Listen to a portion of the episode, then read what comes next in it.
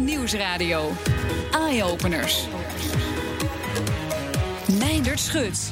In deze aflevering van Eye-Openers reizen we af naar Londen, waar 12 start-ups van over de hele wereld meedoen aan de Chivas Venture. Een prijzenpot van een miljoen dollar.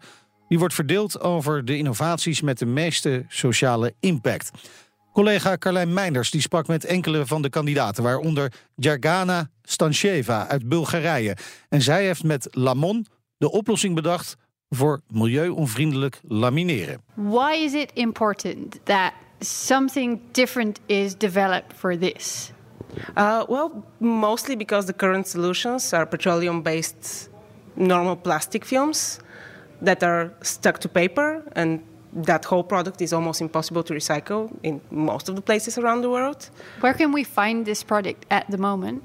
M- Most magazine covers, packaging, children's school books, your business cards, brochures, catalogs, it's absolutely everywhere. And it's plastic stuck to paper, which makes it a mixed media, which is really hard to separate, usually ends up in landfills or incinerators. So there is not a solution right now for the problem. How, how big is this problem? Do you have any idea? Uh, well, only in Europe there are more than 120,000 companies in print. Most of them use lamination film, so it's absolutely everywhere around us. But because it's invisible to, you know, we see it, but we don't really recognize it as a problem because we're so used to the way it looks. So it's everywhere. And um, how hard was it to find something that could do the same but was not as bad for the environment? Uh, well, it was a journey, let's put it this way. Uh, but it, for us, it wasn't that hard per se. We just started researching alternatives to the standard polymers, petroleum based polymers. We started re- researching biopolymers. We stumbled upon polylactic acid, which is a biopolymer based on corn. And although biopolymers have a bad reputation right now because of some, you know, they're not always the best choice. But in this specific case, it works perfectly because it's a way to make the same product, but an alternative that's actually biodegradable. And thanks to the innovation of glue layer we use, it can be really easily separated from the paper without any harsh chemicals. So we ease the recycling process. And if the paper is okay to compost, the whole product can be composted. So very green. We're also aiming to be at the same price range as the competitive solutions. So How easy is it to produce? uh, well, it's not easy, although we developed a way to use the same machinery that's used to produce the standard laminating films. We're using for our film as well. So it will be easy to license outside of Europe. And for Europe, we're planning to produce ourselves. And that's why we're here asking for funds from Chivas. What is the basic? The basic product is corn, Yeah, but it's not like you're putting corn into a machine, right? No, no, no. We're not producing the biopolymers ourselves. We are buying them from another producer who is producing them from corn or other things that have starch in them. So potatoes, corn, everything that has starch can actually become into polylactic acid through fermentation. So we're buying the raw products from them, and then in-house we are extruding it into laminating film. What is the biggest challenge still? Well, right now the, there are two huge challenges. First, of course, getting the funding to close the production process in house so that we can reach the low prices we need. Because, yes, low prices are key here. And also, kind of bringing awareness to the you know to everyone about the fact that lamination exists and that most of your products are laminated and that's an issue because it's it's not a problem that many people talk about it's kind of a niche thing that's it's easy to ignore but it's a huge problem that's just overlooked BNR Nieuwsradio. BNR Eye-openers. En van lamineren met mais gaan we naar een digitale markt voor Afrikaanse boeren. Matthew Piper uit Zuid-Afrika bedacht platform Kula, waarmee boeren niet alleen met mensen in hun omgeving kunnen handelen, maar zeker zijn van een veel grotere en soms zelfs internationale afzetmarkt. Ook zonder wifi moet de markt zijn werk kunnen doen. What we're really trying to tackle um, is poverty in Africa um, in the best way um, we, we, we, think we know. Um, if you look at one of Africa's biggest assets, uh, we have 60% of all the world's arable land, yet we, we're not use, utilizing it uh, to its full potential.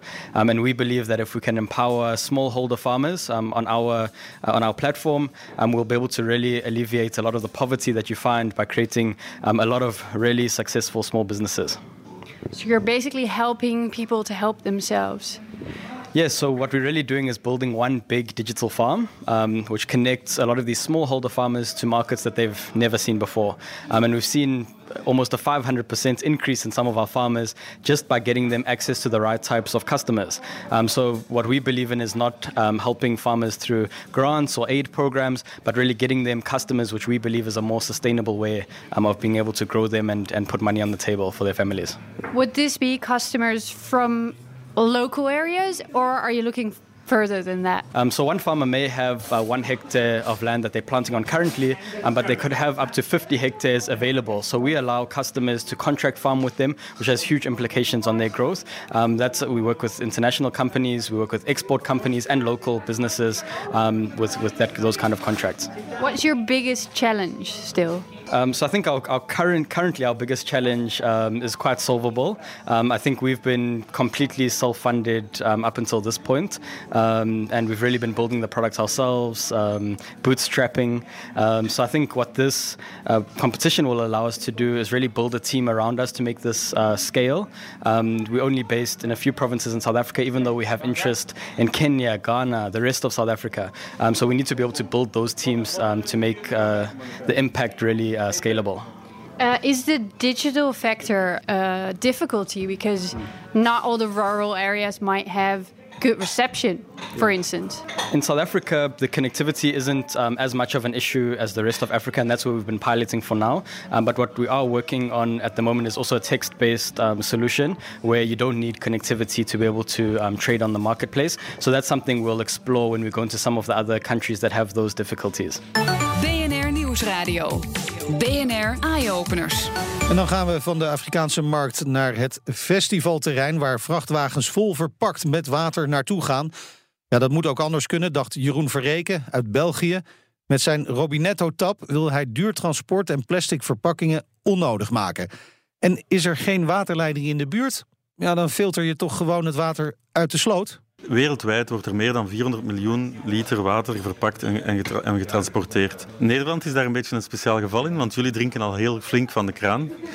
Nederlanders drinken gemiddeld een, eh, een 20 liter gebotteld water, dus flessenwater per jaar. Belgen drinken 136 liter flessenwater per jaar en Italianen en Duitsers nog meer. Dus we spreken echt over miljarden verpakkingen. Die, het plastic soepprobleem kennen we allemaal, maar dus het gaat niet alleen over verpakkingen, het gaat ook over het transporteren van al die verpakkingen, het recycleren van al die verpakkingen. Neemt allemaal enorm veel energie, brengt heel veel vervuiling, dus het probleem is immens. Het goede nieuws is, de oplossing is heel simpel. We kunnen leidingwater gebruiken als, uh, als drinkwater, we kunnen er bubbels in steken ter plaatse om er uh, bruisend water van te maken. En we kunnen het mengen met siropen om ter plaatse limonades te maken. Want als je, want je moet ook weten dat ook het transport van softdrinks, uh, limonades, um, als je een vrachtwagen ziet rijden met, uh, vol met gelijk welke softdrink, 85% van wat wordt getransporteerd is water. Dus ook dat is waanzin. En nou zijn jullie al begonnen uh, om dit op festivals te proberen. Wat moet ik me dan voorstellen? Wat, wat bieden jullie daar precies aan? Dus we hebben mobiele watertaps die je uh, vrij eenvoudig kan aansluiten op het, op het, op het waterleidingnetwerk. Waarmee je dus um, gekoeld, plat, zeggen jullie ook plat? Ja, plat en bruisend, en bruisend, en bruisend water kan, uh, kan tappen. Uh, en die je ook kan gebruiken om te mengen met siroop om, om zo zelf limonade te maken. Dus in één unit heb je een oplossing voor platwater, bruisend water, limonades. En je hebt dus geen, geen frigo's, zeggen wij, koelkasten of, of andere koeling meer nodig. Het neemt heel weinig plaats. En vooral, je, je, je, je voorkomt een hoop verpakkingen en een hoop transport. Wat is voor jullie nog de grootste uitdaging? Want, want deze wedstrijd kan zorgen voor een hele grote investering. Wat, wat zou daarmee opgelost kunnen worden nog? Goh, onze grootste uitdaging eigenlijk is... Um, is op dit moment van ja, hoe kunnen we dit, wat we nu gedaan hebben op, op Belgische schaal of wat we aan het doen zijn. Uh, namelijk starten met tien festivals, die zijn ook aandeelhouder geworden in ons bedrijf. Die promoten dus mee het idee hoe kunnen we dit naar andere, naar andere landen brengen. Want we geloven dat dat ook in veel andere landen uh, een model is dat kan werken. Starten vanuit de festivalsector en van daaruit naar de, de horeca, scholen, bars, restaurants en andere cateringplaatsen gaan.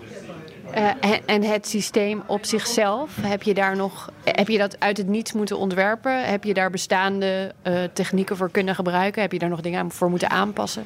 We hebben, het is niet, technisch is het niet zo heel moeilijk wat we doen. We gebruiken bestaande technieken en de combinatie van bestaande technieken. En, maar we hebben er best wel nog wat werk aan gehad en nog wat werk om het festivalproof en plug-and-play te krijgen. Er is een groot verschil tussen een, een waterkoeler installeren in een, in een gewoon café of een waterkoeler installeren op een wei met leidingen van 5 kilometer op grote festivals en zo. De, de zon die op de leiding zit, het water dat opwarmt en dat soort dingen. Dus er is nog wel wat werk aan, maar het is geen high-tech ding. Het is een low-tech ding en we gebruiken alle, alle mogelijke bestaande technieken die we combineren om, om iets te maken dat gewoon heel makkelijk uh, werkt. Zelfs als je met je festival midden in een bos zit, ergens ver van een dorpje af, dan kan dit ook gewoon nog. Absoluut. En het echt lange termijn ding is effectief dat als je op dat festival toevallig een rivier of een vijver in de buurt hebt, dat je dat water ter plaatse kan filteren en gebruiken. En dat is ook geen science fiction, want we hebben twee proefprojecten gedaan op Tomorrowland, het Belgisch, groot Belgisch festival. Hebben we water uit de sloot gewoon gebruikt en gefilterd eh, ter plaatse, geupgrade naar drinkwater. En op het uh, Dranouter Festival, een ander festival in, in Vlaanderen, hebben we regenwater gebruikt en dat opgezuiverd dat is niet iets dat direct nodig is. In de zin dat er in onze, in onze regio's in, in Europa meestal uh, zeer goed leidingwater aanwezig is. Maar zelf off-grid wordt dit uh, absoluut mogelijk. En dat was hem voor deel 1 van deze aflevering van Eye Openers. Je vindt hem samen met deel 2 terug in de app, in iTunes en Spotify. En je hoort ons in de toekomst.